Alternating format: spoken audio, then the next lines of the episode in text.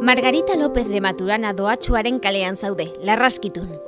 Kaletarra katal honetan, erligioso honen historia harrigarria ezagutuko duzu. Bilbota arronek klausurako erligio ordena bat misiolari institutu bihurtu zuen, eta bi aldiz eman zion bira munduari.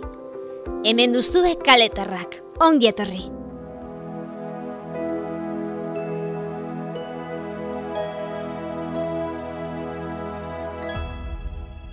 Kaletarrak. Podcast honetarako mila eta bederatziehun urter arte joan behar dugu.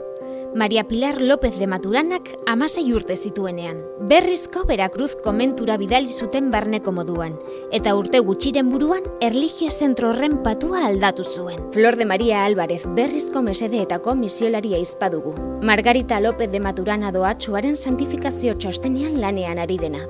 Era un convento de clausura papal, es decir, las monjas vivían... Aita santuaren klausurako komentu bat zen, hau da, mojak komentu batean bizi ziren, inoiz inora irten gabe.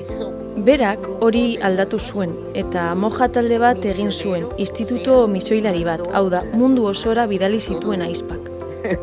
La clausura papal es una cosa muy seria. Aita santuaren klausura oso gauza serioa da. Ezin da kendu eta jarri nahi duzunean, oso serioa Es da. una cosa muy seria. Margarita Maria López de Maturana doatxuaren istorioak badu inflexio puntu bat, bitxia behintzat. Nera bezaroan gertatzen da, eta berrizko Berakruz komentura barneko moduan bidaltzeko arrazoiekin du zerikusia. Cuando tenía 17 años y 16... 17, Amasei amazazpi urte zituela, Margarita Mariak mutil laguna bilatu zuen itsas gizon gazte bat. Amari iruditu zitzaion hori ez zela egokia. Amaren ustez oso gaztea zelako. Según la mamá, era muy joven. Entonces la mandó castigada. Orduan, eskola bat zeukan komentu batera bidali zuen zigortuta, barneko moduan, berriz era. Nadie se pudo haber imaginado que... al Inor pasar ezin izan zuen imaginatu denborak aurrera egina ala, Margarita Mariak klausurako komentu bat eraldatzeko lan handi hori egingo zuenik. de un convento de clausura. Berrizko mesedeetako misiolariek misioak dituzte bost kontinenteetan zehar. Margarita Maria doatxua santutze prozesuan dago. Gogora dezagun Bilboko Doneiakue katedralean beatifikatu zutela 2006 urriaren hogeita bian, Benedikto amasei garren aita santuaren aginduz.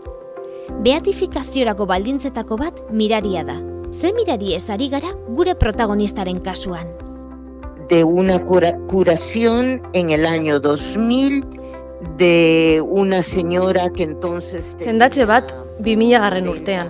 Emakume bati, orduan berrogei urte zituena, Mexikoko hiriburukoa pankreatitis nekrotikoa zuen. Pancreatitis necrótica. Y en menos de 24 horas... Hogeita lau ordu baino gutxiagoan sendatu zen, eta Vatikanoak eskatzen duen gauza bat ekite handiz, eta zorrostasun handiz, azterturiko pertsonarengan ondoriorik ez izatea. Hala da, Andrea bizirik dago, gogotsu eta dagoeneko nik nahi nukeen osasunez.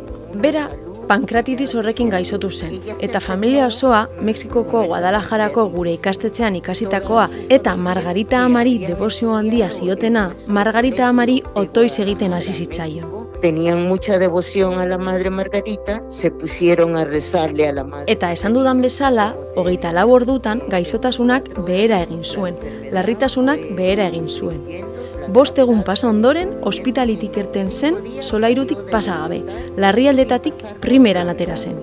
De urgencias salió estupendamente. Onaino kaletarrak atalaren podcast hau. Ziur berriro ere emakume izena duen beste kale batean aurkituko dugula elkar.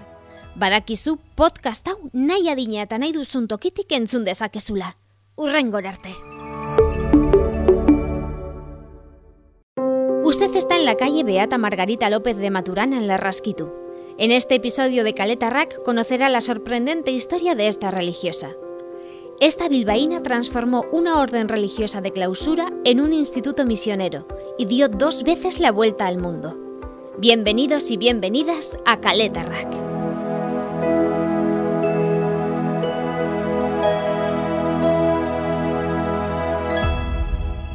Kaletarrak.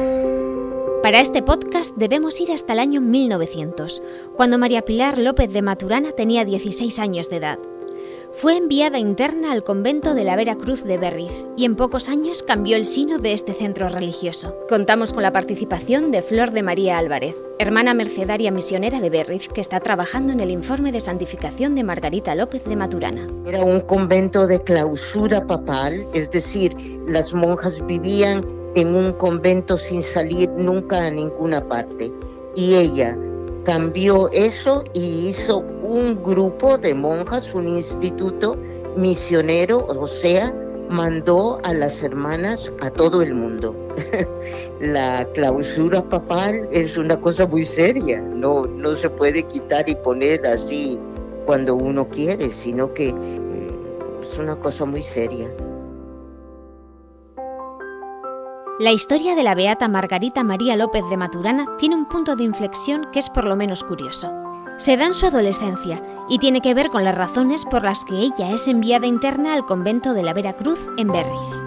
Cuando tenía 17 años y 16, 17, pues eh, Margarita María se hizo de un novio, un joven marino, y a la madre le pareció que eso era, pues no, que no era propio porque según la mamá era muy joven.